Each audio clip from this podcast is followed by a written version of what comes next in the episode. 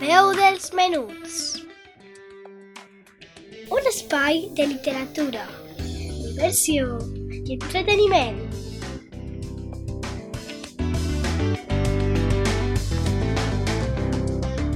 Amb Laia Esteve.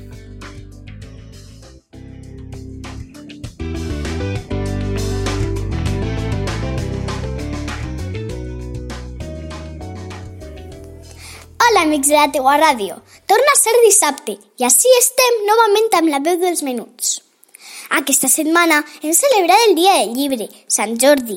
Per això he decidit avui recomanar-vos uns volums de llibres que m'agraden molt des de que era xicoteta i que sempre llegíem a casa abans d'anar a dormir. Es tracta de Contes per abans d'anar a dormir i nous contes per abans d'anar a dormir. Històries per ajudar als més petits a créixer, d'Eduard Estivell i Montse Domènech, de l'editorial Planeta. Aquests llibres tenen diversos contes pensats per a aportar un plus educatiu als pares i mares per tal que puguen donar algunes normes a l'hora de tractar problemes determinats en forma de relat, com ara dubtes, mals hàbits, angoixes i interrogants concrets que els fills puguen plantejar. Vos llegiré el relat titulat Quina setmaneta?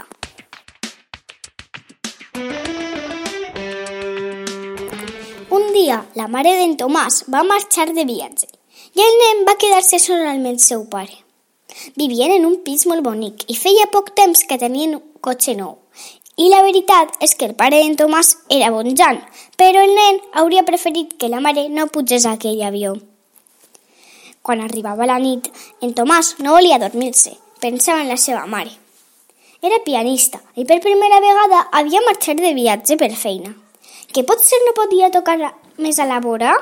No, se n'havia d'anar a l'altra punta del món. En canvi, el pare d'en Tomàs era escriptor i sempre treballava a casa. Aquella nit havien mirat plegats la televisió. Després havien preparat el sopar, havien parlat d'un munt de coses i finalment el pare li havia explicat un conte. Al final, el pare s'havia tancat l'estudi per escriure i escriure i a ell li havia tocat ficar-se al llit, però ell no tenia cap ganes de dormir-se. Un cop al llit, en Tomàs va cridar perquè el pare hi anés, perquè deia que tenia por. Aleshores, el pare va seure en una cadira a vigilar la porta de l'habitació i impedir que hi entrés cap monstre. Una mica més tard, en Tomàs va preguntar una cosa al pare, però aquest no va contestar. Era capaç d'haver-se adormit.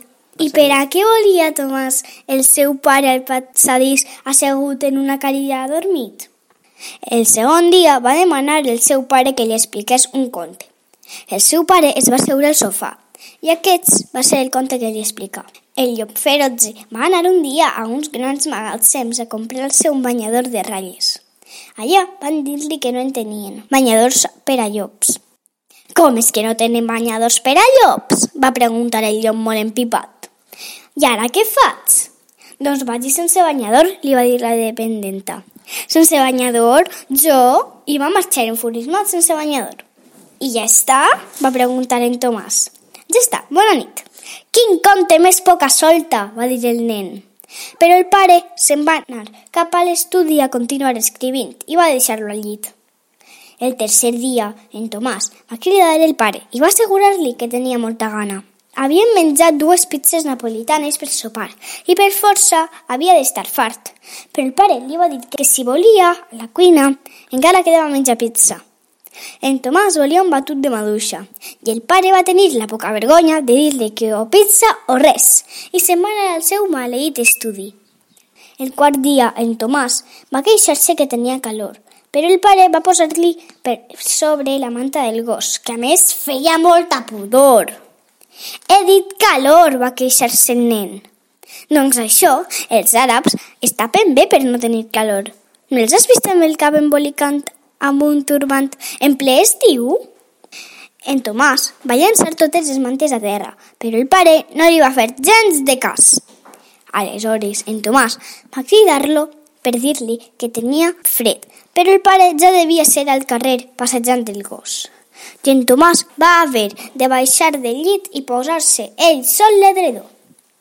Un altre dia, en Tomàs va despertar el seu pare mitjanit per dir-li que tenia molta set, tot i que el pare sempre li deixava un got ple l'aigua a la tauleta.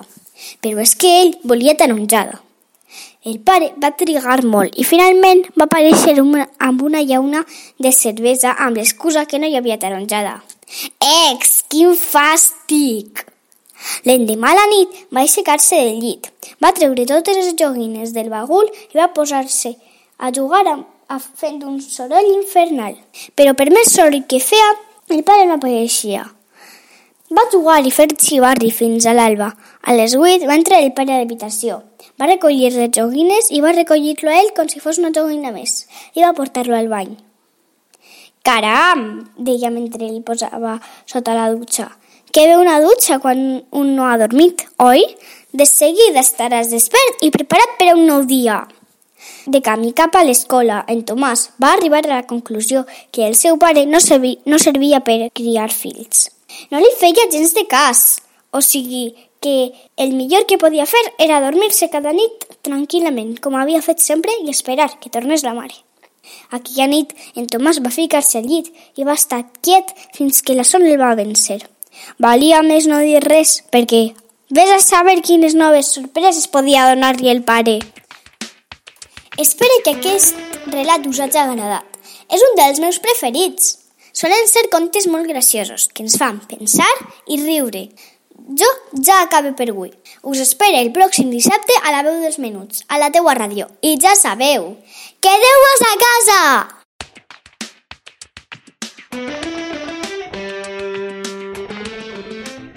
veu dels menuts. Un espai de literatura, diversió i entreteniment.